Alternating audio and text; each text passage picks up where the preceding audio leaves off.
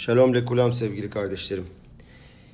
Bu hafta biraz gecikmeyle de olsa size geçen hafta okumuş olduğunuz Be'ar peraşasının yorumunu e, Rav Shneur Eşkenazi'nin vermiş olduğu dersin e, tercümesini aktarmak istiyorum. Öyle bir ders ki bu e, epeydir uğraşıyorum yani 10 günden fazladır çalışıyorum üstünden. Biraz uzun bir ders. Fakat şöyle bir iddiam var. E, Rav Şinur da söylüyor. Ona istinaden söylüyorum. Kendi iddiam değil ama okuduktan sonra ben de aynı kanıya vardım. Bu dersi dinledikten sonra dinlemiş olduğunuz zamanın öncesiyle sonrası arasında hayatınızda büyük farklılıklar olacak. İnanın ki böyle. E, birkaç yönden olacak bu. Hem e, Tora'yı, tefilalarınızı, birkat Amazonunuzu okurken e, anlam değişikliği olacak ve daha evvel okuduğunuz gibi okumayacaksınız. Dualarınızı daha evvel yaptığınız gibi yapmayacaksınız. Ve emunanızda da bence bir değişiklik olacak. Daha evvelden e, anlamış ve bilmiş olduğunuz konseptler yerle bir olacak. E, bu kadar da iddialı konuşuyorum. E, umarım Akadosh Baruhu beni yanıltmaz ve e, ağzımıza güzel sözcükler koyar ki size bunları düzgün de bir şekilde emmetle amiti anlatabileyim. Gelin başlayalım. Evet Beraşat Bear. Başlığını şöyle koydu Rav Şniur. Bitahon kalkali. Me'eyfo mathilim.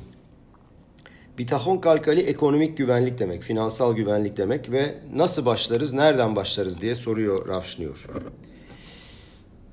İsrail'de e, tabii bu e, dersin verildiği zaman yaklaşık 15 gün kadar evvel ve bazı e, söylenenler 15 gün evvelini e, kapsıyor. Çok taze değil bilgiler ama yine de bence güncel, hala güncel.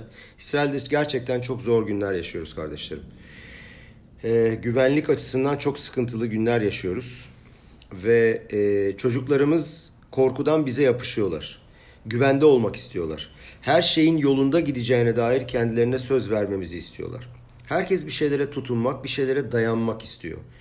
Kendimizi nasıl güvende hissedebiliriz? Hepimizin sorduğu soru bu. Rav diyor ki hayatı değiştiren noktalardan birine dokunmak istiyorum. İşte burada söylemiş o da ben de bunun üzerine söyledim. Diyor ki bu konuyu düşündükten önceki halimizle sonraki halimiz aynı olmayacak. Gerçek güvenliği nereden kazanabiliriz? Ona nasıl oluşabiliriz? Bunu konuşacağız. Hem fiziksel anlamda hem de ekonomik anlamda. Ee, şu anda düşünün ki yarın ve diğer günlerde gelecekte her şeyin yolunda gideceğine dair sükunet ve dinginliğe nasıl ulaşabiliriz? Endişelerimizden nasıl kurtulabiliriz? Şu anki halimiz bile zorluklarla geçiyor. Gelecekle ilgili daha da derin endişelerimiz oluşmakta. Çocuklarımızın geleceği ne olacak? Onlar nasıl evlenecek? Evlendikten sonra nasıl geçinecekler? Daire sahibi olabilecekler mi? Bizden yardım istiyorlar mı? Biz acaba ihtiyarlayınca ne olacağız? Nasıl geçinebileceğiz? Bir sürü endişe ve bir sürü güvenlik konusu aklımızdan sürekli geçiyor güvenlik ve ekonomik refah arıyoruz. Ve bu konuda düşünce yapımızı değiştirecek olan bir noktayı dile getirmek istiyorum diyor Rav. İstememiz lazım kardeşlerim. Gözlerimizi yukarıya, gökyüzüne çevirip dua etmemiz lazım.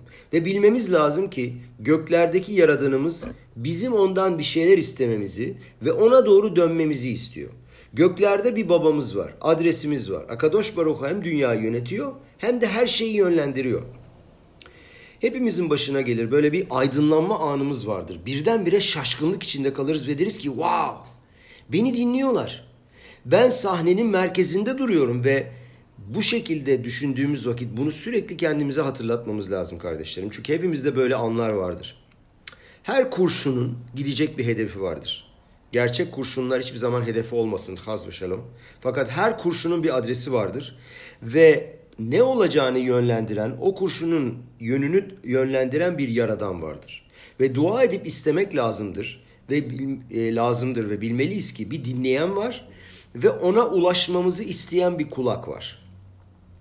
Derse devam etmeden diyor Rav, e, şu anda İsrail'de olanlar yani 15 gün evvel hala aslında e, güncel hala terör olayları oluyor ama gerçekten 15-20 gün evvel Ramazan boyunca e, İsrail'de olanlar korkunçtu.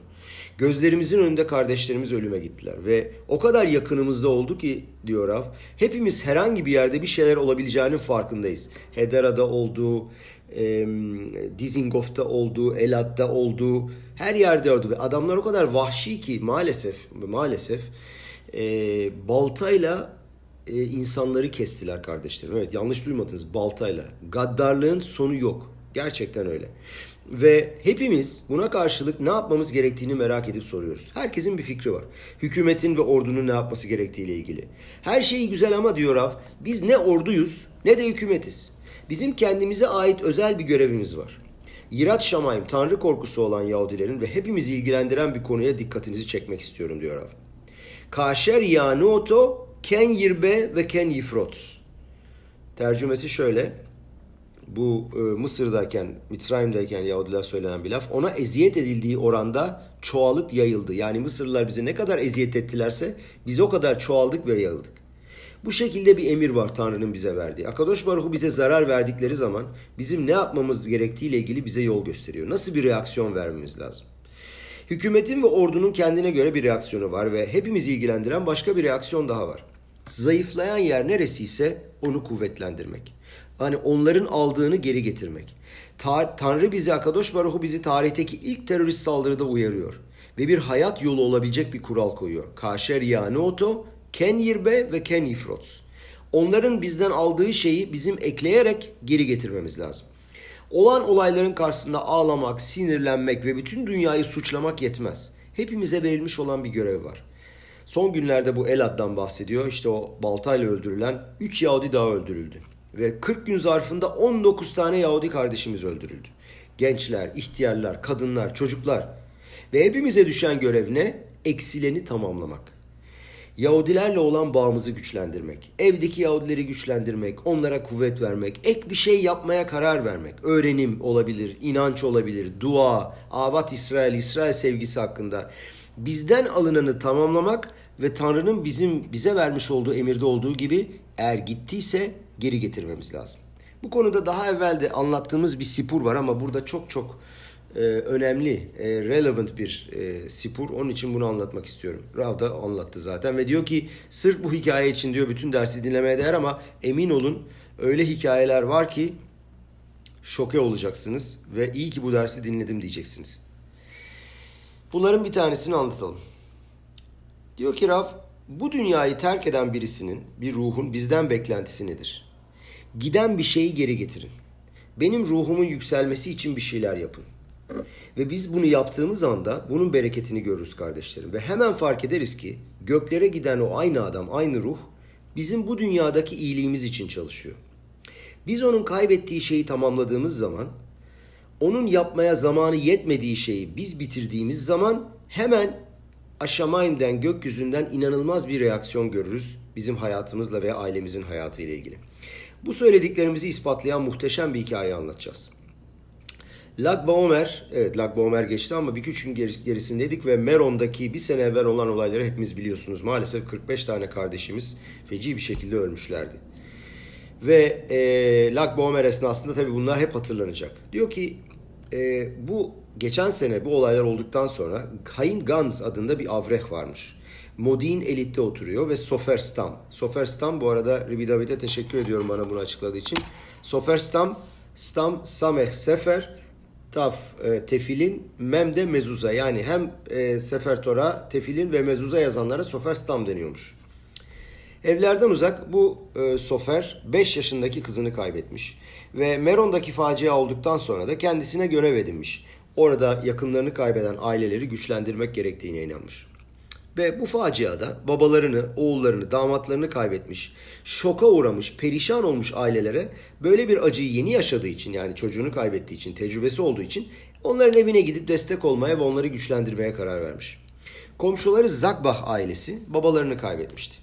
24 yaşındaydı ve Avreh Menachem Asher Zakbah. Evlerine giderim demiş, haberlerle sohbet eder, birkaç kelime ederim. Evlerine gittiğinde masanın üzerinde bir kon görmüş. Bir kon Birkat Amazon'un yazılı olmuş olduğu kitapçık. Ve Aşer Zakbach'ın vasiyeti var. Diyor ki Birkat Amazon'u Sidur üzerinden okunmasını istiyorum diyor. Yani bir yazılı metin üzerinden. 24 yaşındaki bir öğrenci olan Meron ne zaman ölmüş de vasiyet yazmaya vakti gelmiş, hangi vaziyetten bahsediliyor diye aileye sorar. Aile der ki bu ölen geç Aşer Zagbach takıntılı bir şekilde çok dikkat ettiği ve üzerine görev edindiği bir olay varmış. Her zaman Birkat Amazon'u kitaptan okumaya çok dikkat edermiş. Bir davete gittiğinde Birkat Amazon'u kitaptan okuyacağına dair garantiyi almadan yani yazılı e, metin bulmadan ellerini bile yıkamaz, netilat yadayım yapmaz. Yani adam bir ekmek bile yemezmiş. Dolayısıyla aile ölenin ruhunu yükseltmek için bunu kendisine görev almış. Ve bir konular bastırmış, bu kitapçıklar bastırmış. Yani onun ömrünü yetmediği şeyi tamamlayabilmek için bir faaliyet yapmışlar. Aynı Sofer bunu duyduğunda çok heyecanlanmış. Beni tamam demiş bunu üstüme alıyorum bunu yapacağım söz vermiş. Ve birkaç Amazon'u sadece kitaptan okumaya, ezbere okumamaya söz vermiş. Birkaç hafta sonra birkaç tane Sofer'le beraber kiraladıkları, çalıştıkları bir dairede otururken adam sandviçini bitirmiş. Bir bakmış birkaç Amazon'u okuyacak kitap yok. Oraya bak, buraya bak bulamıyor. Çekmeceleri, rafları karıştırıyor. Bulamıyor. Demiş ki ya pardon bu sefer de ezberden okuyayım demiş ama sonra aklına gelmiş. Aşer Zagbach için kitaptan okumak çok önemli ve ben buna e, söz verdim. Biraz daha çaba sarf etmeye karar vermiş. Aramış taramış rafın bir rafın üstünde bir tomar kağıdın altında eski bir tane bir kon bulmuş. Bir kat Amazon yazan küçük bir kitapçık. Kitabı açıp bir bakmış. El yazısıyla ya da el yazısı fontuyla yazılmış. Basılı olmasına rağmen el yazıyla yazılmış bir yazı stili. Adam da sofer ya. Bir kat Amazon berahasını yapmış ve sonra fark etmiş ki yazının fontu çok çok güzel. Sofer olarak demiş ki ben bu yazıyı bu stili kopya edeyim. Benim için demiş iyi olabilir. Bir de o aralar ekonomik olarak çok da iyi bir dönemde değilmiş. Yazmış olduğu Megilla'yı ve başka seferleri satmayı başaramamış. Görenler onun yazı şeklinin çok da güzel olmadığını, çok enteresan olmadığını, meudar olmadığını düşünüyorlarmış. Bu bulmuş olduğu kitap benim için bir fırsattır diye düşünmüş ve ilk paragrafı kopya ederek kendi el yazısıyla güzel bir şekilde yazmış. Yarım saat sonra dairede beraber çalışmış oldukları soferlerden biri içeri girmiş. Demiş ki bak demiş New York'tan çok zengin bir adam var ve bu adam Meron'da ölenlerin her birinin ilu nişmatı için, ruhlarının yükselmesi için bir sefertora yazdırmaya karar vermiş. Ve soferlerin yazılarını görmek istiyor. Ve bu dairede olan yazıların hepsinden birer tane alayım ki demiş adamın onayını alayım.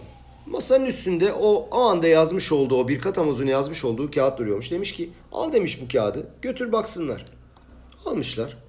Kısa bir süre sonra o sofer tekrar geri dönmüş ve demiş ki ya demişler senin bu yazın çok güzel, çok etkilenmişler. Sefertore'yi yazmanı istiyoruz. Bizim sofer sormuş hangi aile için istiyorlar demiş. Menachem Asher Zagbach'ın ailesi için olduğunu söyleyince adam şoka girmiş. Düşünün. Sofer merhumun ruhunun yükselmesi için üstüne bir görev alıyor. Onun için çaba gösteriyor. Bir kat Amazon'u kitaptan okumak için buluyor. Ölen merhum da gökyüzünden onun para kazanabilmesi için hemen müthiş bir gelir organize ediyor. Onun için yazılacak o sefertora bir senelik geliri demek Sofer için. Ne demiştik? Kaşer yani oto ken yirbe ve ken yifrots. Böyle bir facia olduğunda bizim görevimiz, yapmamız gereken kaybolan, kaybettiğimiz şeyi geri getirmek. Daha evvel söylediğimiz gibi. Eksik olanı tamamlamak. Kalkıp bir sürü kurumu, kişiyi suçlamak yetmez. Yetkili olan kurumlar tabii ki kendi görevlerini yapmaları lazım ama sadece başbakanın veya genelkurmay başkanının yapması gereken şeyler yok. Bizim de kendimize ait görevlerimiz var. Burada İsrail'de biz e, iki kişinin beş tane fikri vardır. Hepimiz işte o şöyle yapsın böyle yapsın hepimiz komutanız biliyorsunuz. Dolayısıyla bu e, mesaj hakikaten önemli. Hani başkalarını böyle suçlamayı bırakıp biz ne yapabiliriz onu düşünmemiz lazım diyor o. Ve diyor ki hepimize düşen görev zayıflayan şeyleri kuvvetlendirmek. Bu olabilecek en iyi tamir ve en iyi kaparadır. Ve bu bizim hani sorarız ya bazen Tanrım nereye kadar sürecek bu acılar? Daha fazla bunu çekebilmek için mümkün değil demek dediğimiz zaman diyor eğer biz bazı şeyleri kuvvetlendirebilirsek en iyi kapara budur diyor. Şimdi çok özel bir noktayı dile getirelim.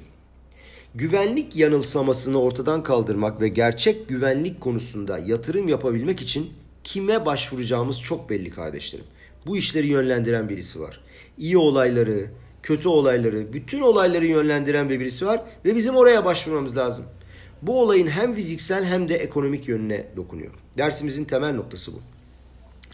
Gelin şimdi bu peraşanın ve bu senenin en önemli sorusuna bir bakalım. Peraşanın merkez noktası bu. Rashi'nin Peraşa'nın sonunda dediği gibi bu Peraşa'nın sadece birinci konusu değil, Bear Peraşası'nın ileride de göreceğimiz gibi temeli ve üstüne oturduğu ana noktasıdır.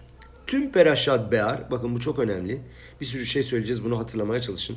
Şemita'yı korumayan, Şmita mitzvasını korumayan bir adamın yüzünden onun sonucunda gelirerek orta, gelişerek ortaya çıkmış. Ve herkesin kendine sorduğu muazzam bir soru var. Bütün bir ekonomiyi bir sene boyunca durdurmanın ne mantığı var? Akadosh Baruhu bunu niye yaptırıyor? Amacı ne? Bizim toramız gerçeklerden kopuk bir tora değil. Hiç kimsenin gerçekleştiremeyeceği idealler hakkında konuşmaz ki. İsrail'in torasının ilk temel noktası eylemsel bir tora olmasıdır. Hayat, millet ve ülkeyi inşa etme yoludur. Şeşete min tavo ve tase melahteha. Altı gün çalışacaksın ve bütün eylemlerini yapacaksın. Ve yaptığın her şeyde Akadosh Baruhu sana bereketini verecek.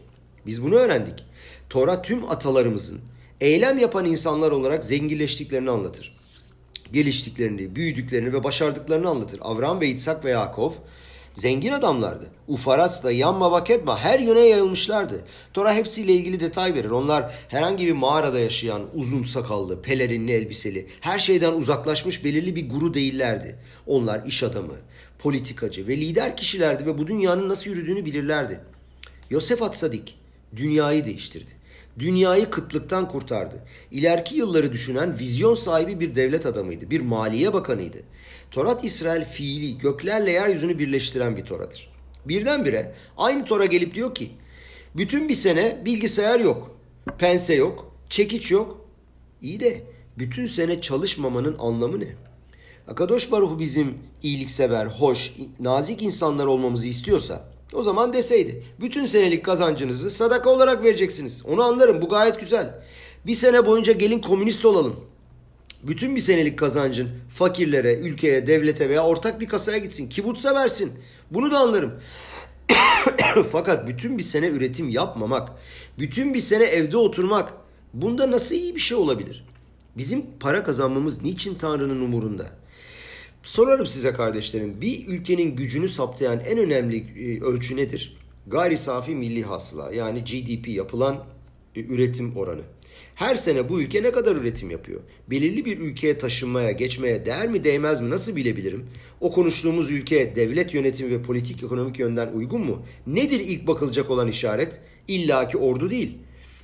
Bugün nükleer silah, olan birçok ülke var ama bu bir şey demek değil. Rusya-Ukrayna savaşını görüyoruz. Rusya dünyanın ikinci süper devleti deniyor. Fakat 3 aydır adamlar Ukrayna'yı bitiremediler. Kendileri bitti. Bir sürü insan öldü filan falan. Yani önemli olan nükleer silah veya ordusu olmak değil. Önemli olan gayri safi milli hasla. Ülke ne kadar üretim yapıyor. Bunda yalan söylemek mümkün değil. Çünkü iyi ve verimli bir üretim olması ülkenin gelişip zenginleştiği manasına gelir. Tora burada gelip diyor ki 6 sene çalışacaksın, 7. sene hiçbir üretim yapmayacaksın. Bu bütün tanıdığımız her şeye, tüm prensiplere karşı gelmektedir. Peki bütün bir sene çalışmamanın ve boş durmanın amacı ne?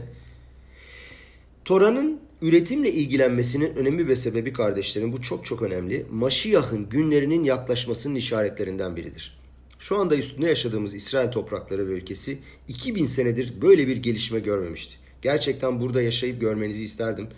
Ekonomik göstergelerde İsrail devleti şu anda en çok üretim yapan 20 ülkenin arasına girdiği söyleniyor. Hakikaten e, ülkenin kasası e, parayla dolu taştı yani. Bu kadar muazzam bir e, bolluktan bahsediliyor. Tabii maalesef bu insanların yaşamına çok fazla e, hep tüm insanların yaşamına şey yapmıyor. Gelir dağılım biraz sıkıntı ama ülke hakikaten senelerdir olmamış bir refah içinde.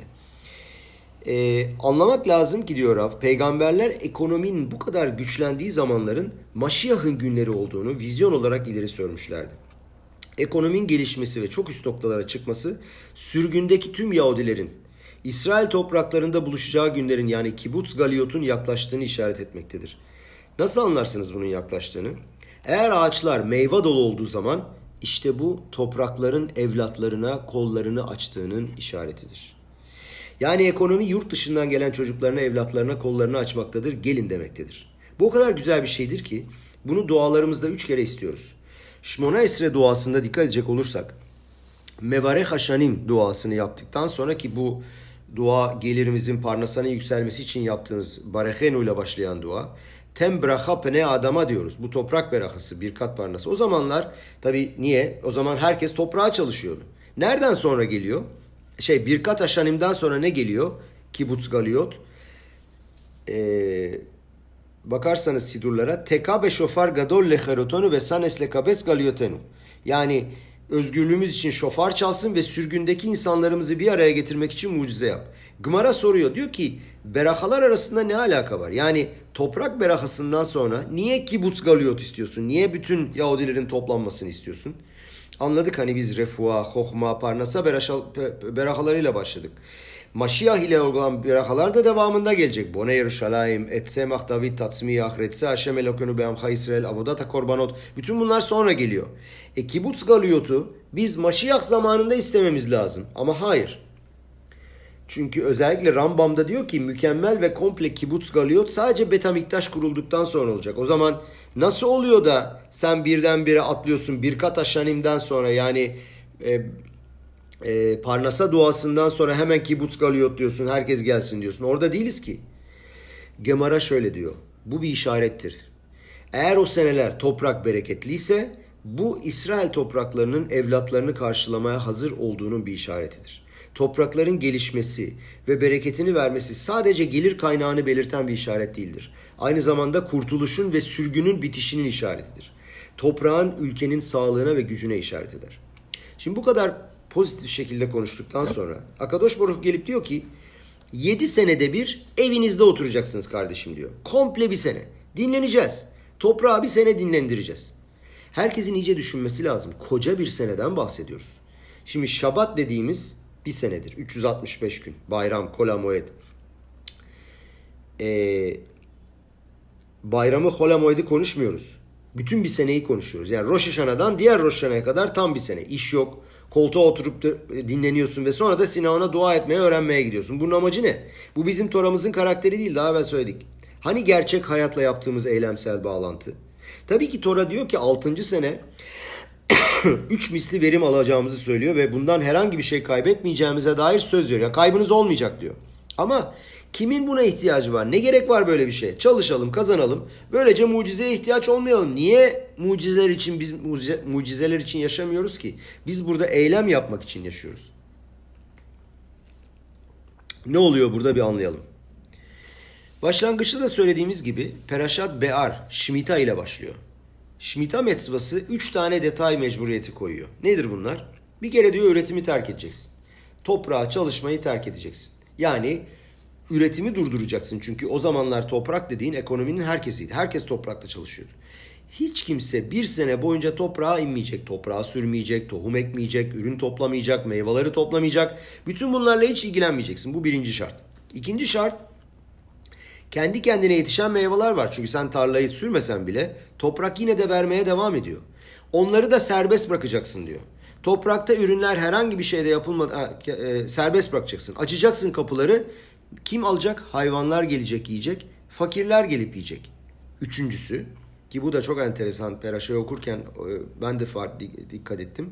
Verilmiş olan borçları ve kredileri durdurup iptal edeceksin. Sıfırlayacaksın. Dolayısıyla Schmidt'a tanım itibariyle Gelir getiren varlıklarından ayrılacaksın, kopacaksın. Mülkiyetten ayrılma demek. Bütün bir sene ekonomik dünyadan kopuyorum, ayrılıyorum. Aslında aklıma şey geldi, şabat geldi. 6 gün boyunca çalışıp 7. gün bırakıyoruz her şeyi ya. Sanki bu da böyle yani. Tanrı'ya güven ve gerisini boş ver. Üretimden ayrılıyorum. Kendi kendine yetişenden de aynı zamanda kredilerden, verdiğim borçlardan da ayrılıyorum. Ve kendi kendine soruyorsun. Nedir bunun amacı kardeşim? Eğer Tanrı fakirleri düşünüyorsa anlıyorum. 7 senede bir borçları sıfırlarsın ama üretimi niye durduruyorsun? Niçin gelişmeyi durduruyorsun? Bunun sebebi ne? Bir sene daha kar olsun, bir sene daha gelir gelsin. Ne fark eder? Çünkü adamın kendi manevi sağlığı için de üretmesi ve çalışması lazım. Adamın işe gitmesi lazım kar etmese bile. Tanrı'nın ekonomiyi bir sene boyunca tamamen durdurup hiçbir şey yapmadan oturun demesinin amacı nedir? Midraş diyor ki Yahudilikteki en zor mitzva Şmita mitzvasıdır. Bütün bir sene çalışmamak.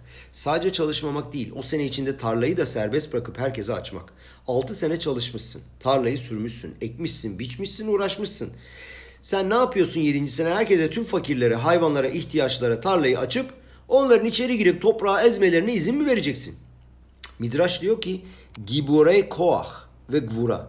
Müthiş bir güç lazım diyor buna dayanabilmek için bir gün boyunca, bir hafta boyunca bir ay boyunca mitzva yapabilirsin.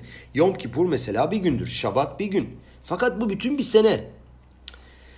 Maral diyor ki nerede burada gereken büyük güç biliyor musunuz diyor. Bütün e, yine aynı şeyi devam ediyor. Kardeşlerim biraz repete var biliyorum ama bu inanın ki dersin biraz daha kafaya girmesini sağlıyor.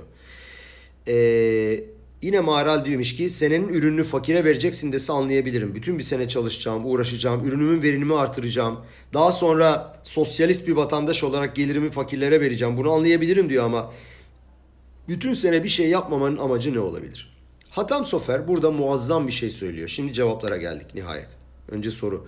Rav Şniur'un e, tarzı bu. Yarım saat boyunca soruyu sorar ondan sonra da cevapları vermeye başlar. Hatam Sofer muazzam bir şey söylüyor. Ve sadece bunu söylemek bile diyor bütün derse değer. Şmita, Tora'nın göklerden gelmiş olduğunun ispatıdır, gerçek olduğunun. Eğer bir kişinin şüphesi varsa kim söyledi Tora'nın tanrısal bir kaynaktan geldiğini diye buna bakabilir. Hristiyanlığı ve Müslümanlığı getiren adamlar da var. Onlar da hikayeler anlatıyor. Tanrı onlara karanlık bir mağarada göründü, onlara din verdi. Onlara dedi ki Yahudilerin zamanı bittiği zaman yeni bir halk ortaya çıkacak. Nereden bileceğiz? Moşe Rabenu bize gelip diyor ki Tora'yı aldık. Leav değil. Ne farkı var? Onlar da aldık diyorlar. Ne fark var bunların arasında? Fakat buna karşılık biraz dersten e, bu konudan ayrılacak olursak Moşe Rabenu Vayet Hanan Peraşası'nda kendisinin verdiği bir açıklama var. Bugüne kadar da diyor bu peygambersel vizyonun gerçekliğini görüyoruz.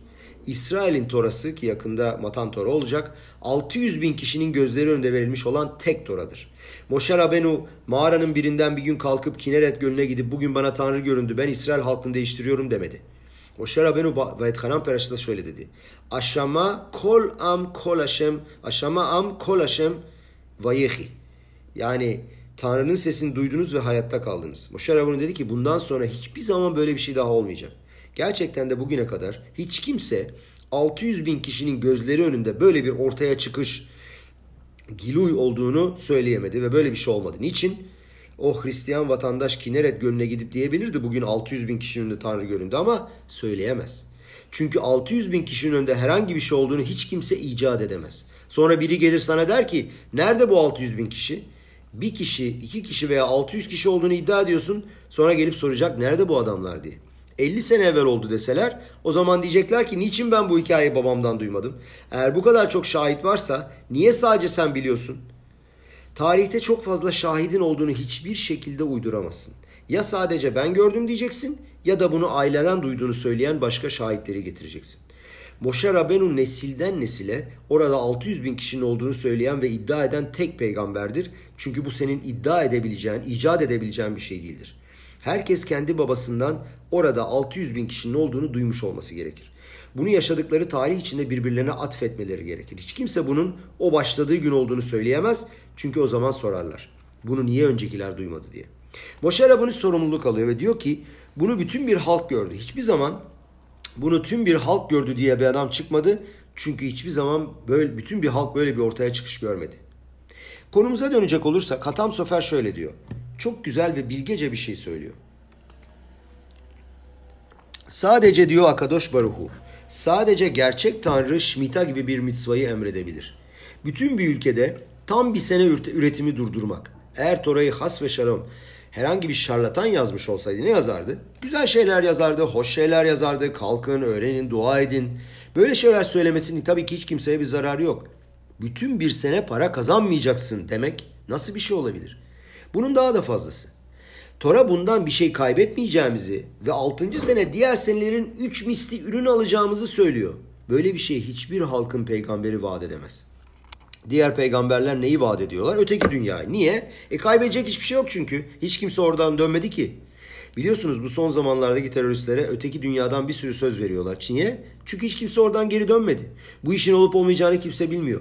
Bir tek bizim Akadosh Baruhumuz bu dünyada ve yeryüzünde bir takım şeylerin olabileceğine söz verebilir. Ve hanunina bazot deneyin beni diyor. Öteki dünyada değil bu dünyada. Altıncı sene beni kontrol edin. Çalışıyor mu çalışmıyor mu? Şmita ile ilgili dolu hikayeler var. Ve diyor ki Rab bu dersi vermeye gelmeden evvel çiftçilerle konuşmuş ve hepsi 6. sene ve 7. senede muazzam mucizeler gördüklerini söylediler. Hatam Sofer diyor ki Şmita tüm Yahudilerin inançlarının kuvvetlenebilmesi için en önemli mitzvadır. Toramızın göklerden geldiğini gösterir. Toramız tüm akıl ve bilgelik ve mantık kitaplarının üzerinde başka bir seviyededir ve Aşem'den, Akadosh Baruhu'dan Şamayim'den geldiğini, gökyüzünden geldiğini ispatlar. Sadece Aşamayim Şmita gibi bir mitzva isteyebilir ve sadece gökyüzü Şmita'dan sonra olabilecek durumlar için böyle mucizelere söz verebilir. Hatam Sofer, Raşi'nin Peraşa'nın başında yapmış olduğu yoruma çok güzel bir şekilde açıklama getiriyor. Şöyle diyor. Diyor ki Peraşa'mız iki tane çok istisnai kelimeyle başlıyor. Vaydaber Hashem el Moshe, Be'ar Sinai lemor. Ee, Akadosh Baruch Hu Moshe'ye Be'ar Sinai'da şöyle söyledi. Tora Şmita mitzvasının Sinay'da, Sinay Dağı'nda verildiğinin özellikle altını çiziyor. Niçin? Tefilin, Şabat, Yom Kipur bunlar Sinay Dağı'nda söylenmedi mi? Nedir özellikle bu teşhis? Has ve Halil adamın biri gelip diyebilir ki diğer misvalar Sinay Dağı'nda verilmedi. Ama biz Tora'nın verilişinden sonraki Yitro peraşasında değiliz. Birdenbire Bear peraşasında bir buçuk ay sonra Tora hatırlıyor. Vaydaber Aşem, Be Aşem Be'ar Sinay kitavou el aretz ve Şmita. Şmita Sinay Dağı'nda verildi. Niçin? Raşi diyor ki Şmita tüm detayları ve ince noktalarıyla bakın burası çok önemli. Şmita tüm detayları ve ince noktalarıyla Sinay Dağı'nda verildiyse diğer mitzvalarında detayları ile birlikte Sinay Dağı'nda verildiğini öğretmek için. Yani Rabiler bunu icat etmediler. Moşer Avenu bunu Muav dağlarında söylemedi. Her şey Sinay Dağı'nda verildi. Raşi böyle söylüyor. Hatam Safar da diyor ki bunu bir daha tekrarlamak istiyorum. Nasıl ki diyor Şmita gibi bir mitzva Sinay Dağı'nda verildi. Bu demektir ki diğer tüm mitzvalar da Sinay Dağı'nda verildi. Peki e, Hatam Sofer soruyor. Raşi Akadoş diyor ben kusura bakma ama ikna olmadım diyor. Niçin Tora tüm detayların ve kuralların Sinay Dağı'nda verildiğinin altını çizmek için Şmita peraşasını beklemeye karar verdi? Niçin Şmita master olsun? Bunu Şabat'a açıkladığım bir bölümde ver. De ki nasıl Şabat'ın kuralları detayları Sinay Dağı'nda verildiyse Tora'nın geri kalan kanunları da Sinay'da verilmiştir. Niçin bunu tefilin için yapmıyorsun? Niçin Yom Kipur için yapmıyorsun? Hatam Sofer diyor ki Şmita Sinay Dağı'nda verildiğine emin olduğum, emin olduğum tek mitzvadır. Diğer tüm mitzvalar için babama inanıyorum. Öteki de kendi babasına inanıyor. İspatı var mı? Yok. Birçok mantık yürütebiliyorum. Bu nesilden nesile geçiyor. Ama Şmita yüzde yüz gökyüzünden indiğine emin olduğu ispat edilmiş olan tek mitzvadır. Hiçbir yabancı medeniyet ve modern toplum böyle bir şey icat edemez. Tavsiye de edemez. Bütün bir sene çalışmadan nasıl yaşayacağız? Neyle geçineceğiz? Bir veya birkaç kişiye çalışma diyebilirsin ama koca bir ülkeye, bir devlete çalışma nasıl dersin? Çin'de, Tibet'te veya Hindistan'da bir mağarada oturup insanlara çalışma, patates ve su ile yaşa diyebilirsin. Koca bir ülkeye çalışma diyemezsin. O zaman yolların olmaz, trenlerin çalışmaz, musluklarında su olmaz, eğitim ve sağlık hizmetleri de olmaz. Şmita mantıksal olarak da açık seçik Sinay'dan da verildiği kesin olduğu için oradan öğreniyoruz ki diğer tüm mitzvalar detaylarıyla beraber Sinay Dağı'nda verilmiştir. Tora Şmita'nın Sinay Dağı'nda verildiğini vurguluyor çünkü tabii ki kesinlikle verilmiştir ve bu açık ve seçiktir. Tanrı çok güçlü, sonsuz ve her şeye kadir. Anladık bunu. Ama niçin böyle bir mucize yaratıyorsun? Ne gerek var? Çalışmaya gitme, ben sana üç misli ürün vereceğim. Bunu yapacağına bırak çalışmaya gidelim yine de üç misli ürün ver. Niçin bu senaryo? 6 sene çalışacaksın. Niçin 7. sene çalışmayayım? Acaba Akadosh Baruhu Şmita mitzvasıyla bize ne öğretmek istiyor?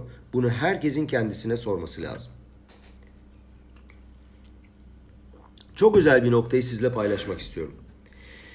Rabbi'nin ağzından konuşuyorum tabii. Rabbi Şmita olayını çok basit bir şekilde söyleyen bir sözünü duydum diyor Rav Şinyor. Şmita'nın en basit, en temel noktası şu.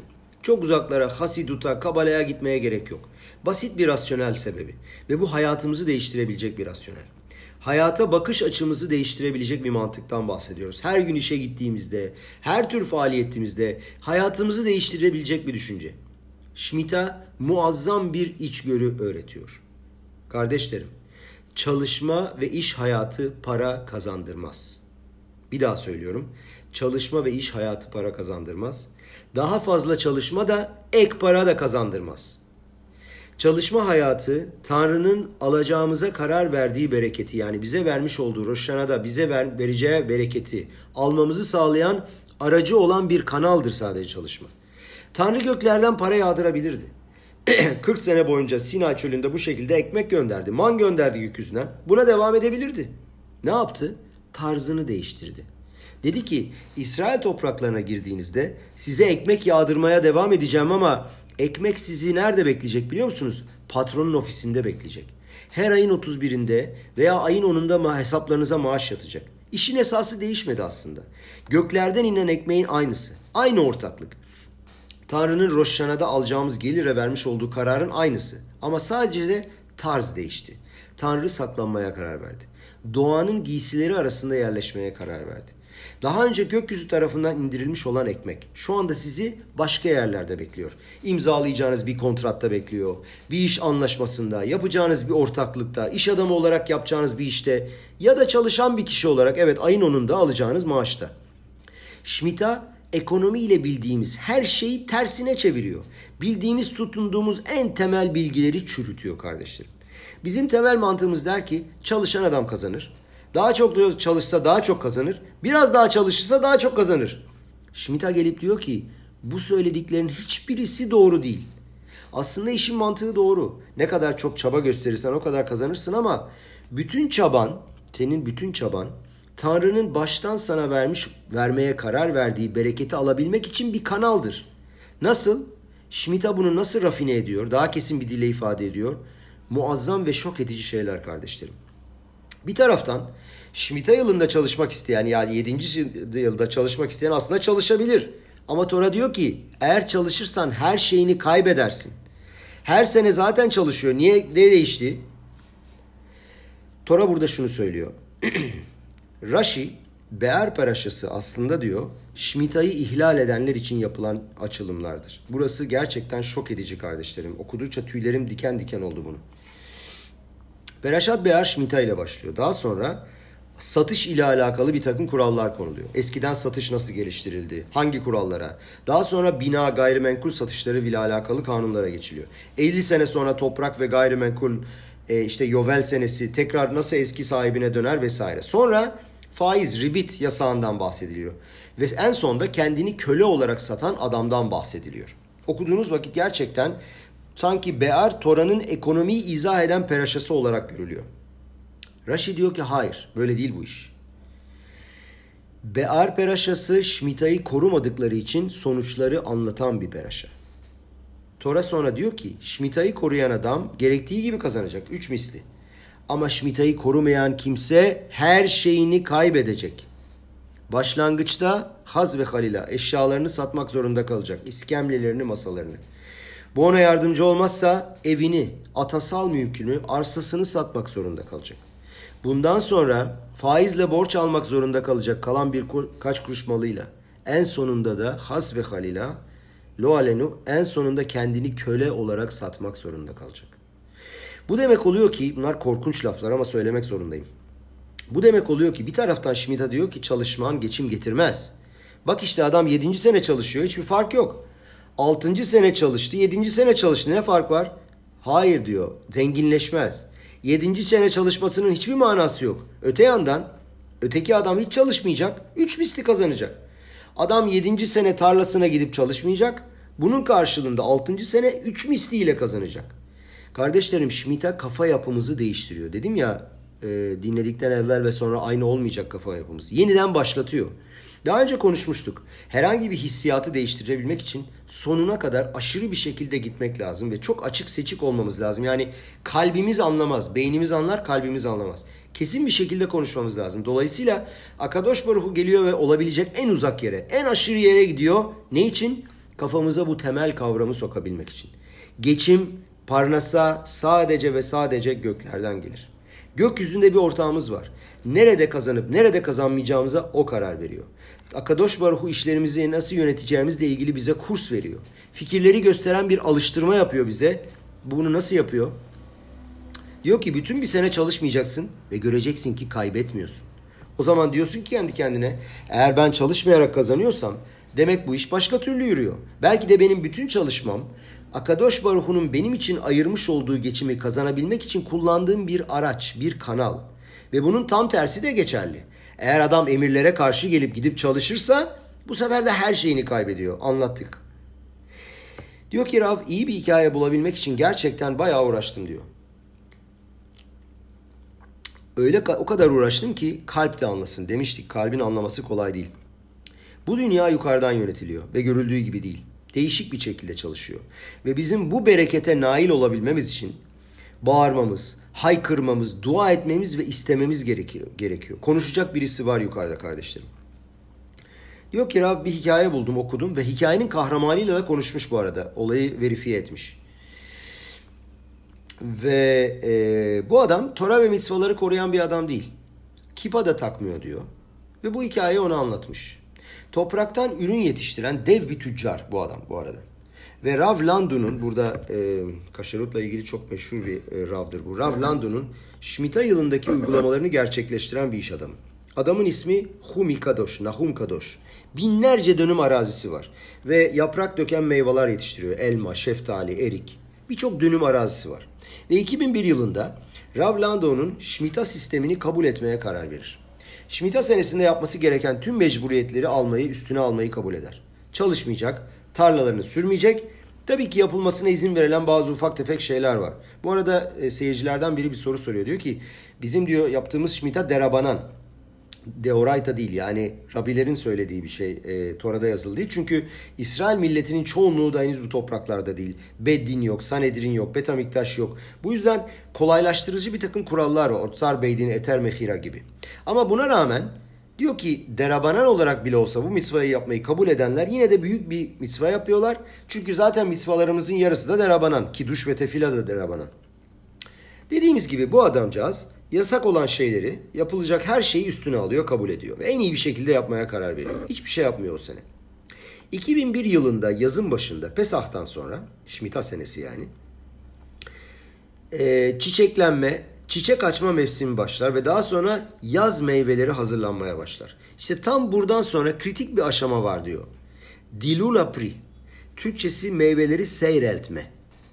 Ağacın üstündeki meyveleri seyreltme. Bereketli yıllarda ağaçların üzerinde çok büyük verim olan zamanlarda ağaç ağırlıktan düşebilir, çökebilir. Çok meyve var çünkü. Bu sadece ağacın zarar görmesine sebep olmaz. Ağaçta kalan meyveler de bu sefer çok küçük olur. Çünkü ağacın, üzerine, ağacın üzerinde çok fazla yoğunluk olacak. Ve bu çiftçilik mesleğinde çok sanatkarlık isteyen ince bir iş. Ve çiftçiler ne yapıyorlar? Ağaçların üstünde çok fazla yoğunluktan olan meyvelerin bir kısmını indiriyorlar. Ya da meyveye dönüşecek olan bazı böyle çiçeklenmeleri de alıyorlar. Ve meyvelerin kendilerinin bir kısmını da indiriyorlar ki ağaç çok ağır olmasın diye. Şmita yılında en iyi ve en doğru meudar bir şekilde yapılması gereken kurallara göre bu işlem, bu yapılan seyreltme, dilulapri işlemi sadece birinci aşamada yapılabilir. Yani çiçeklenme, çiçek oluşma aşamasında. Yani meyveler oluştuktan sonra, büyüdükten sonra bunu yapmak yasak. Ağaçtan meyveyi almak ve koparmak da yasak. Sadece birinci aşamada çiçeklenme olup meyveler büyümeye başlarken yapılabilir. Henüz gerçek meyve oluşmadan evvel. Birkaç günlük bir zamanda bu yapılabilir. İyi de şimdi senin 20 dönümlük bir tarlan varsa anlaşılabilir. İşçi getirirsin, adam toplarsın, yaparsın bu iş. Yetişirsin ama ya binlerce dönüm arazin varsa buna vaktin yetmeyebilir ve bu gerçekten çünkü sanatkarlık ince bir iş. Hangi meyve indirilir, hangisi indirilemez bakman lazım. Öylesine indirip para kaybetmemek için de dikkatli bir şey yapmak lazım. Adamcağız bu işe başlar, işçi toplar fakat tabii ki vakti yetmez. Ve henüz yapmaya yetişemediği binlerce dönüm tarlası vardır. Ağaçlar çökebilir, hepsi kaybolabilir. Ve Rav Landau'ya ağlamaklı bir şekilde arar. Der ki, bilesin ki der, İnan ki kar meselesi değil bu. Kazanacağım, parayı düşünmüyorum ama Bnei Brak'ta erik olmayacak bu sene. Ağaçlar yıkılacak. Büyüyecek, büyüyen meyveler yenebilecek gibi olmayacak. Telefonla açıp Rav Landu'ya söyler. Rav Landu der ki iyi de der ne yapmamı istiyorsun? Alaha böyle. İndirebildiğin meyveleri indireceksin. Geri kalana hiçbir şey yapmaması, yapmayacaksın. Madem ki diyor Akadosh Baruhu bu sene sana bereket geleceğine söz verdi. Göreceksin her şey iyi olacak. Bunu duyar Nahum ve der ki tamam. Çok güçlü bir adamdı ve ne olursa olsun bu şekilde devam etmeye karar verdi. Ondan daha küçük çiftçiler Gerekeni yaptılar her zaman yaptıklarını. Ağaçları ve ağaçlardaki meyveleri zamanında çiçeklenme anında seyrettiler. Onda ise bütün meyveler ağaçların üzerinde takılı kaldı. Diyor ki İyar ayının sonuna gelmiştik. Birdenbire çok uzun senelerde bir olabilecek muazzam kuvvetli rüzgarlar başladı. Kontrol ettim diyor Rav e, Schnur. 2001 yılının Mayıs ayında İsrail'in merkezinde ki yağmaz genelde çok kuvvetli yağmurlar yağdı ve Emek Afula'da bu adamın arazilerinin olduğu yerde inanılmaz kuvvetli rüzgarlar olmuş. Ve bu rüzgarlar iki gün boyunca ağaçları sarstılar. Ve bu sayede büyümeye başlayan meyveler düşürdü ve bu rüzgarlar doğal bir şekilde dilur apri yaptılar. Ağaçları seyrettiler. Ve onun vakasında bu güçlü rüzgarlar ağaçları seyrettikleri gibi tabi diğer çiftçilerin tarlalarında da büyük zarara sebep oldular. Onlar zaten zamanda ağaçları seyretmişleri. Dolayısıyla çok az meyve kalmıştı. Güçlü rüzgarlar o az kalan meyveleri de düşürdüler. Ve Nahum Kadoş ağaçların önünde durdu ve ağlamaya başladı. Dedi ki Akadosh Baruhu yukarıda ve yapılması gereken işi o yaptı. Gözlerim yaş- İyar ayının sonunda Mayıs'ın ortasında ağaçları sarstı ve ağaçların üstünde olmaması gereken meyveleri düşürebilmek için. Affedersiniz.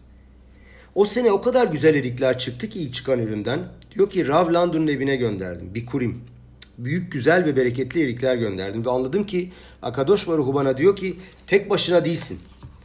Ben seninle birlikte tarlada çalışıyorum ve sana yardım ediyorum. Şmita'nın bütün fikri ve amacı bizim ticari ve ekonomik kafa yapımızı değiştirmek ve yeniden kurmaktır. Düşünce şeklimizi tersine çevirmektir. Bize göre olay gayet basit.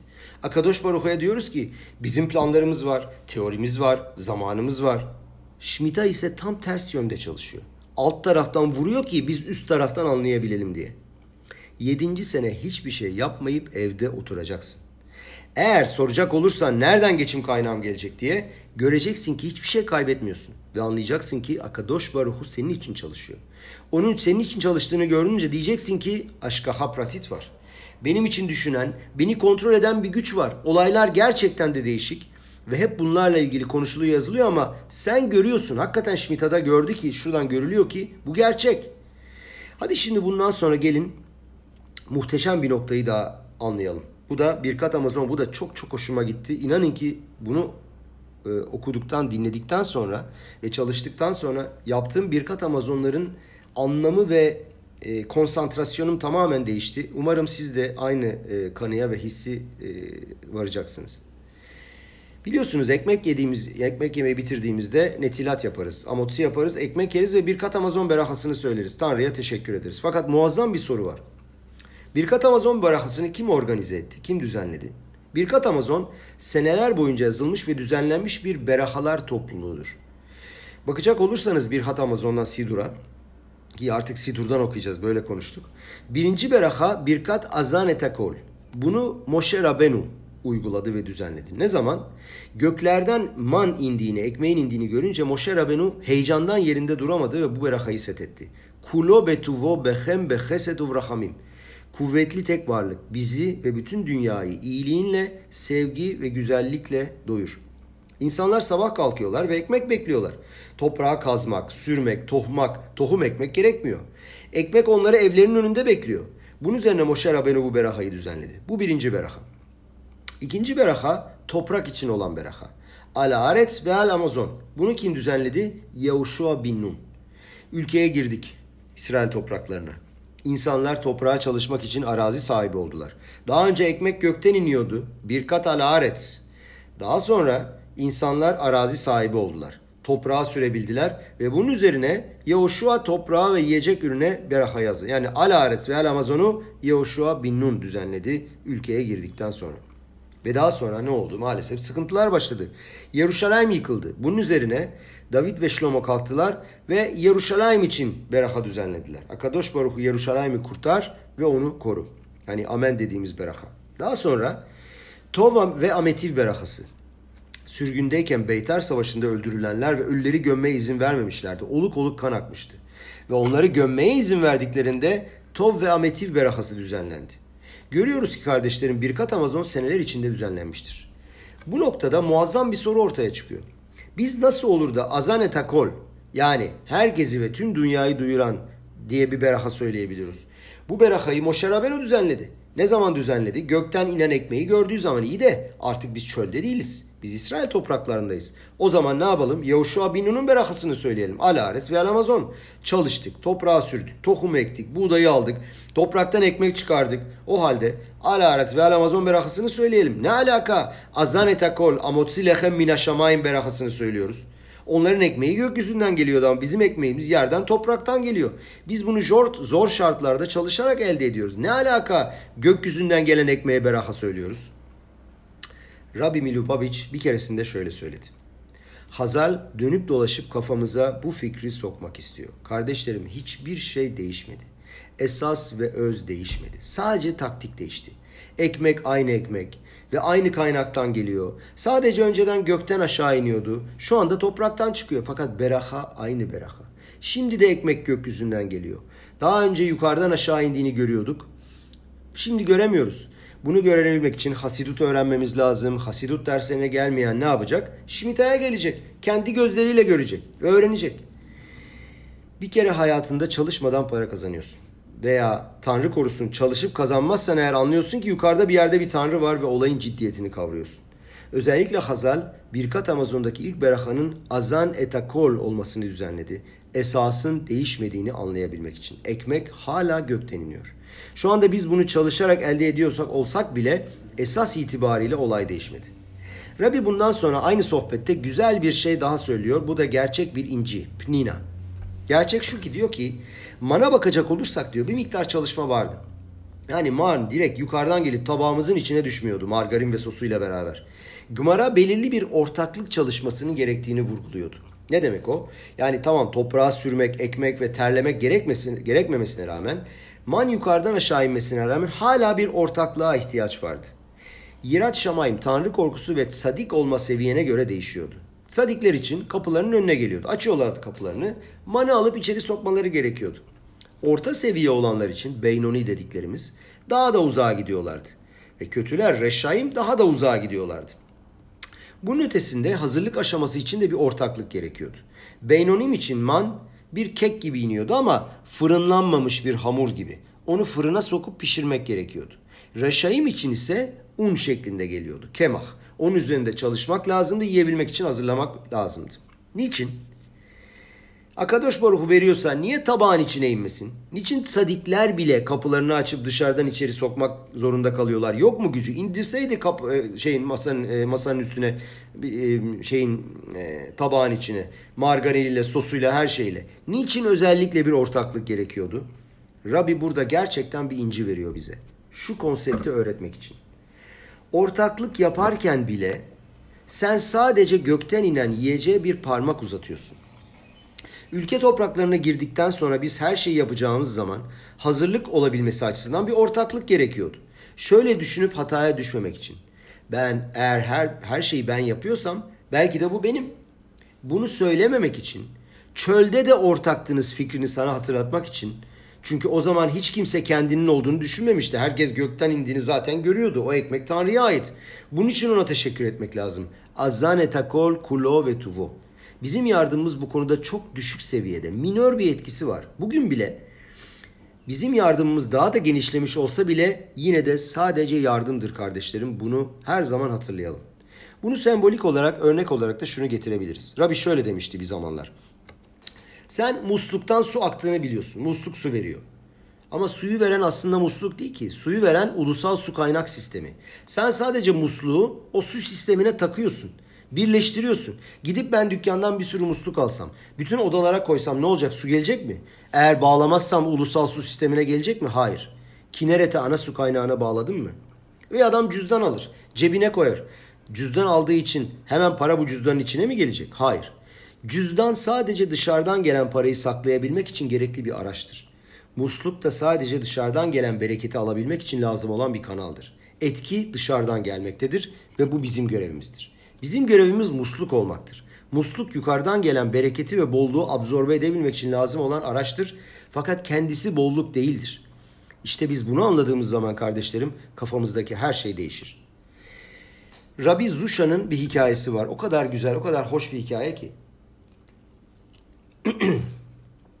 Dediğim gibi çok güzel hikayeler var. Anipoli kasabasındaymış ve 200 sene evvel hiç gelişmemiş ve ilkel bir yermiş burası. Ve kış ortasında çocuklar oyun oynuyorlarmış. Hınzır yaramaz çocuklar ne yaparlar? İnsanları su birikintilerinin içine özellikle düşürürlermiş. Yolun ortasında büyük bir su birikintisi varmış ve bir tahta parçası varmış, raf varmış. Bunlar insanlar o su birikintisinin üstünden geçmek için rafı kullanıyorlarmış. Gece insanlar arbit duasına dönerken karanlıkta görmüyorlar. Ve millet geçerken çocuklar rafı bir çekiyorlar. Çat içine düşüyor insanlar. Bir keresinde yine böyle eğlenirken adamın biri yaklaşır. Kafasında bin bir düşünce, konsantre olmuş, hiçbir şeye dikkat etmiyor. Çocuklar tahta parçasını bir çekiler, adamcağız cumburlop su birikintisinden içeri. Adam kalktığında bir bakarlar, adam Rabbi Zusha. Manipoli'nin büyük sadiği Rabbi Zusha. Rabbi Elimelech'in kardeşi Magid Mimezriç'in talebesi. Hasidut'un bu büyük bilgesini suyun içine düşürdüklerini görünce çocuklar hemen kaçtılar. Fakat onların lideri bir genç varmış. Affetmez kendini, çok üzülür. Nasıl özür dileyebilirim diye düşünür. Eve gider koşar, anne babasına söyler ne yapabiliriz? Oturup düşünürler. Derler ki Rabbi Zusha'nın her gün saat 2'ye kadar, öğleden sonra 2'ye kadar sinagogda oturup çalıştığını bilirler. Tallet ve tefilin için uzun süre dua eder. Hiçbir yere gitmek için acele etmezmiş. Ruhunu kaynağına bağlarmış ve Tanrı ile bütünleşmeye dvekut için çalışırmış. Peki bu çalışma esnasında ne yemek var? Kim onun yemeğini hazırlar? Kim onu düşünür? Daha sonra eve gitmez. Akşama kadar da Tora öğrenir. Ve büyük bir ihtimalle bir parça ekmek, soğan parçasıyla geçinir. Demişler ki biz Rabbi Zuşa'ya yakışır güzel bir yemek hazırlayalım. Ve ertesi sabah kalkarlar. Sabah 5'te uyanırlar. Mikveye giderler ve 5-6 saat boyunca mükemmel bir yemek hazırlarlar. Omletler, salatalar, peynirler her şeyin iyisi ki Rabbi Zuşa keyif alsın. O dün yaptığımız zararı bugün telafi edebilelim. Çocuğu ertesi gün sinagoga gönderirler yemek tesbisini Rabbi Zuşa'ya kendisi verebilmesi için. Çocuk saat 12'de sinagoga girer. Rabbi Zuşa'nın ne zaman bitireceğini bilemez. İçeriye gider, tepsiyi bırakır ve dışarı çıkar. Yan tarafta Gabay Şammaş durmaktadır ve bunu görünce neredeyse bayılır. Hikaye neydi? Rabbi Zuşa'nın düzeni şöyleymiş. Her gün duasını bitirdikten sonra öğleden sonra bir veya iki gibi tefilin ve talletini çıkarır. Ellerini ve gözlerini yukarı kaldırarak Aba Zuşa aç, Zuşa raev dermiş. Baba Zuşa aç dermiş. Bu Gabaya bir işaret olurmuş. Mutfağa girsin ve domatesleri salatalıkları keserek ona bir yemek hazırlasın ve versin. Seneler boyunca hep böyle olmuş. Bir gün önce Şamaş demiş kendi kendine nedir ya bu demiş baba Zuşa aç. Ne demek yani? Bilmiyor mu ki burada şamaş var? Domatesleri, salatalıkları kesiyor, yumurta satın alıyor, omleti hazırlıyor. Ne demek baba Zuşaç? Bana söylemesi lazım Zuşaç diye. Ben de ona getirmem lazım. Adamın içine Yetser ara girer ve kendi kendine karar verir. Ben bu sefer Rabbi Zuşa'ya yemek hazırlamayacağım ve bunun neticesinde Rabbi Zuşa onun kimin yemeği hazırlayıp getirdiğini anlayacak. Ve kenarda durup ne olup biteceğini seyretmeye başlamış. Adam baba Zuşa aç diyecekti ve kimse ona cevap vermeyecek. Arkasına bakacaktı, babasını arayacaktı. Kimsenin bir şey görmeyeceğini görünce anlayacaktı kimin onu her günü düşünüp yemek hazırladığını. Ve tam aynı gün çocuk tepsiyle bu muazzam yemeklerle içeri girer. Ve Rabbi Zuşa'nın gereksinimlerini karşılar, yemeğini getirir ve o gün anlar ki Şamaş, Aba, Rabbi Zuşa Raev dediği zaman gerçekten Rabbi Zuşa aç ve babası Akadosh Baruhu onun gereksinimlerini karşılıyor. Nedir ki? Akadosh Baruhu'nun birkaç tane elçisi var. Bazı zamanlarda Şamaş, Şamaş istemekten vazgeçtiği zaman başka birisini buluyor ve ondan daha iyi bir şekilde onun ihtiyaçlarını karşılıyor. Bu kardeşlerim yanılmamak gereken müthiş bir nokta. Gözlerimizin bize gösterdiği şeyler yüzünden yanılmayalım. Hasidut'ta bu avodazara olarak geçiyor. Ne demek avodazara? Yabancı tanrılara tapmak. Tora'daki birinci mitzva Anochi Hashem Elokecha lo yelecha elokim acherim alpanay. Başka tanrıların olmayacak ben senin tanrınım. Görüldüğü kadarıyla yabancı tanrılara tapmak artık günümüzde geçerli değil. Bu antik bir konsept. Yani sa- sadece daha önceki mücadelelerde görüyoruz. Kim bugün yabancı tanrılara kapıyor? Bugün bütün dünya Avraham Avinu'nun öğretilerine inanıyor. Avraham bütün dünyayı etki eden bir insan. 4 milyar kişi tek tanrıya inanıyorlar. Ne ihtiyacımız var artık bu, bu mitzvalara? Avoda zara yapma. Altın ve gümüşten kendine tanrı yapma.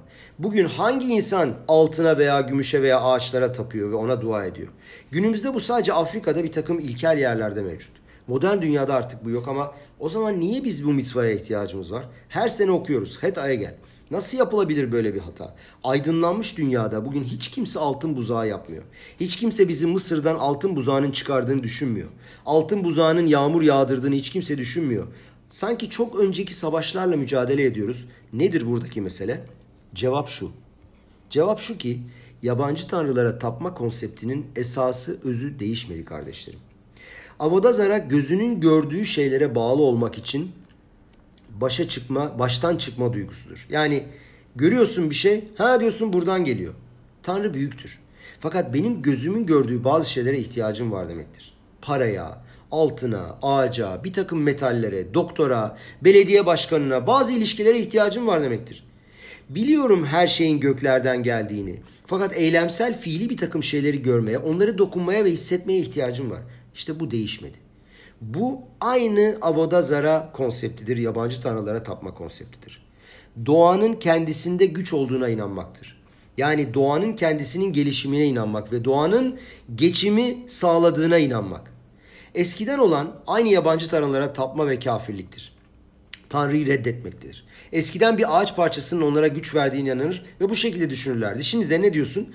Belediye başkanı veriyor, doktor veriyor, başkan yardımcısı veriyor. Buna inanıyoruz. Yani hiçbir şey değişmedi.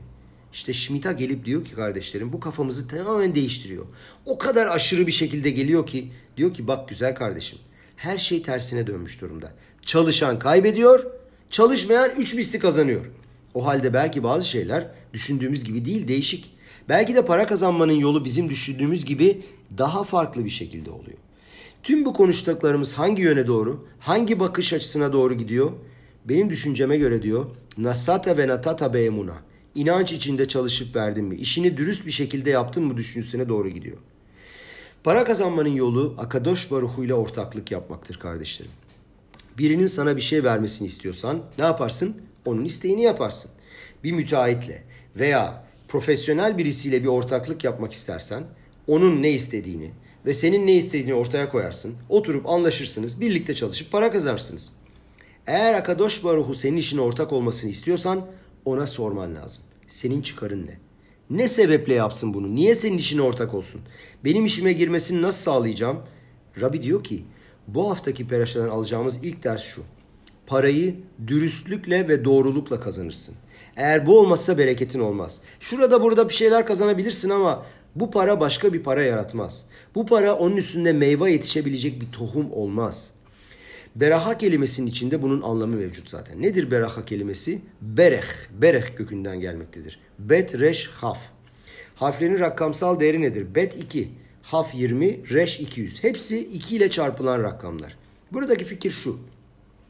Berahanın anlamı paranın büyümesi ve çoğalmasıdır. Para senin için çalışmaktadır. Sen para için değil. Tanrı senin ortağın olmasını sağlamak ne demek? Yani eğer doğru zamanda doğru yerde satın alırsan senin 100 liran 200 lira olur. Senin 100 liran senin için çalışır. Doğru bir mal alırsın, doğru bir yerde yatırım yaparsın, değeri artar. Ama Tanrı korusun beraha olmadığı zaman para kendi değerini bile kaybeder. 100 sadece 50 olur. Markete gidersin, saçma sapan şeyler alırsın, aldığın şeylerin hiçbir değeri yoktur. Doğru yerde doğru zamanda almazsın tarlanı, herhangi bir işin anlaşmasını doğru yapmazsın ve bütün paranı kaybedersin. Leşos. Berahanın açıklaması parada tuz olmasıdır. baharat olmasıdır. Para senin için çalışır. Dolayısıyla birinci ders Tanrı'nın senin için yaptığı işten ne çıkarı olacağını düşünmendir. Nasıl onun senin ortağın olarak işe girmesini sağlayabilirsin ve buna sebebiyet verebilirsin. Bir kere yalan söyleme. İnsanları kandırma.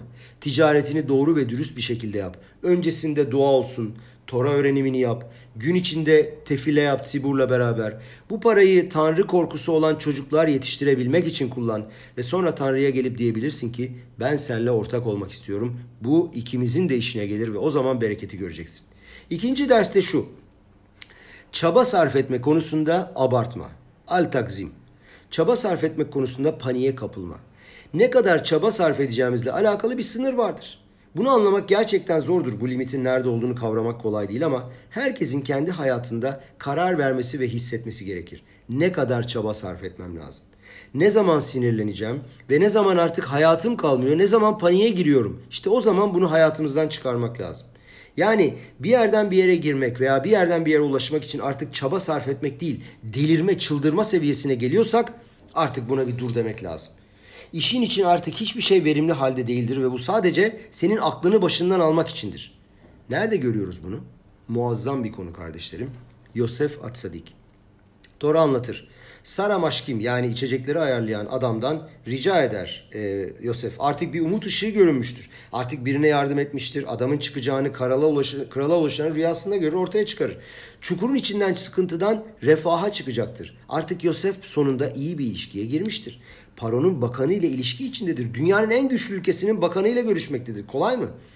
Adamın Yosef'e bir şahsi teşekkür borcu vardır. Adam 10 senedir hapiste. Onunla ilişkileri var, arkadaşları var. Adam hapisten çıkmadan Yosef adama der ki bak kardeş beni unutma. Kim zehartani ve iskartani. Beni hatırla ve hatırlat. Çünkü bir gün kralın karşısına çıkacaksın. Hapisteki bu sefalet içindeki genci hatırla ve krala de ki bu genç onun suçladıkları şeyi yapmış olamaz. O tipte bir adam değil. Saf tanrı korkusu olan iyi bir genç. Gözlerine ve ağzından çıkanlara dikkat ediyor. Böyle bir adam onları suçlamış oldukları korkunç şeyleri yapmış olamaz. Lütfen yardım et ve çıkar bu adamı oradan. Bunun üzerine Raşi der ki Sar Amaşkim'den böyle bir şey rica etti diye Talaenav Besar Amaşkim gözlerini içecek bakanına dikti. Günah işledi, hata yaptı ve sırf bu yüzden iki sene sonra hapiste kaldı daha.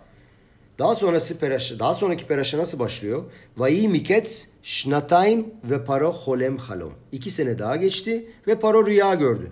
Niçin paro rüya görene kadar iki sene geçiyor? Niçin aynı gece görmedi? Çünkü gözlerini içecek bakanına dikmişti. Herkes soruyor burada günah nerede? Çaba gösterdi adamcağız. Ne yapsın? Hapiste dursun da mucize gökyüzünden mi insin? Böyle olmayacağını biliyor. Babası Yakov Esav'a gittiğinde ona hediyeler gönderdi. Savaşa hazırlandı. Bu şekilde olması lazım. Yosef'in hatası nerede?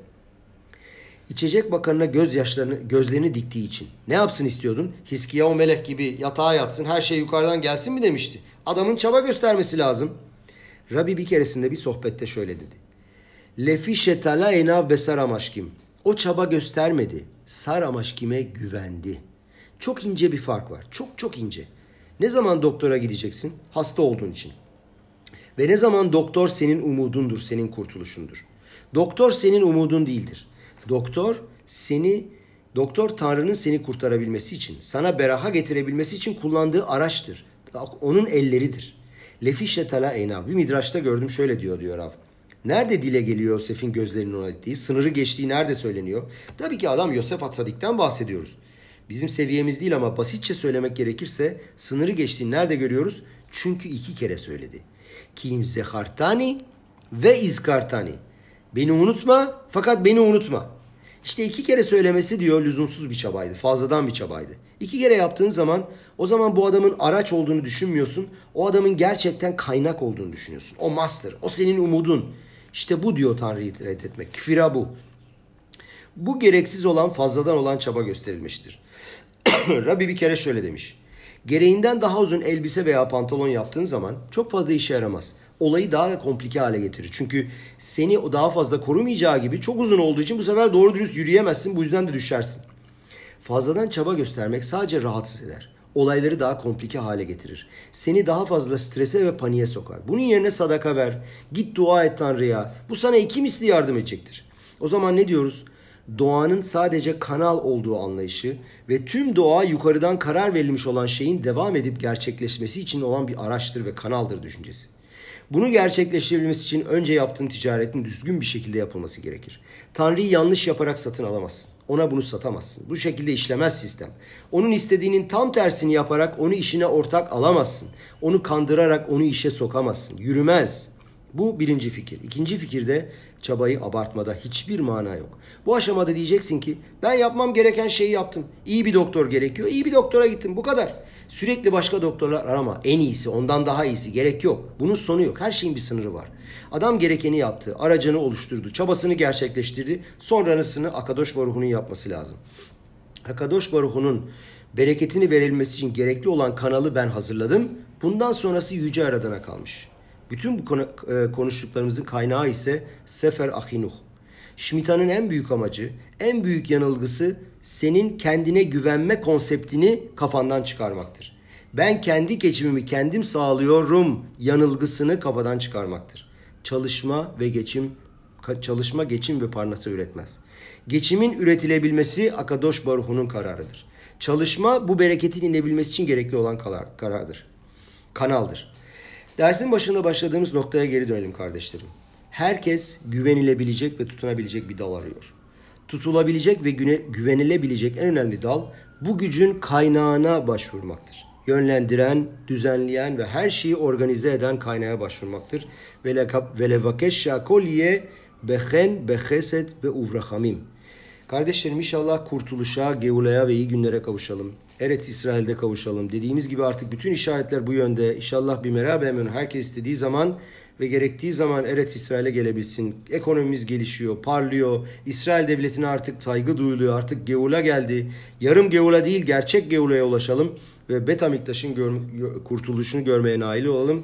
Maşiyah Tzidkenu ile beraber Kimitziyon Tetsetura tüm milletler ve devletler bizimle mücadele edeceklerine bizden öğrenmeye çalışsınlar, birlikte çalışsınlar ve aydınlanmış olan Yeruşalayim'in ışığını alsınlar. Amen ve hen yehi.